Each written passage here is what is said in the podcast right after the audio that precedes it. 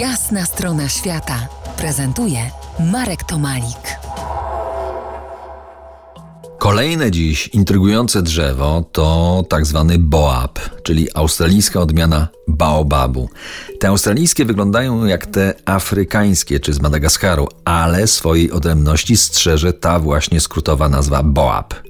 W Australii nie ma ich wiele, właściwie skupione są w części północnego regionu Kimberley, który jest bardzo słabo zamieszkany, głównie przez rdzennych Australijczyków zwanych potocznie aborygenami.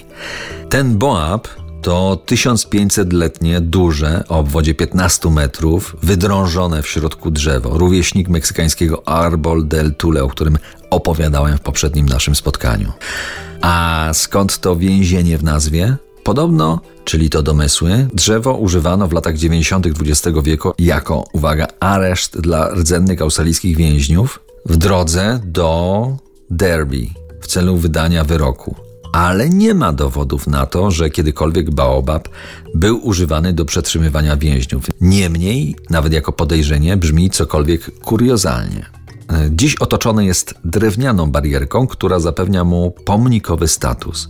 Jest tam i krótka notka na metalowej tabliczce, która sugeruje, aby do drzewa jednak nie wchodzić do środka z uwagi na gnieżdżące się tam węże. Moja ciekawość była jednak silniejsza i wszedłem do środka. Dziwne uczucie, bo wydrążony pień tego ogromnego drzewa mógł być schronieniem dla człowieka, a nawet kilku stłoczonych tam ludzi.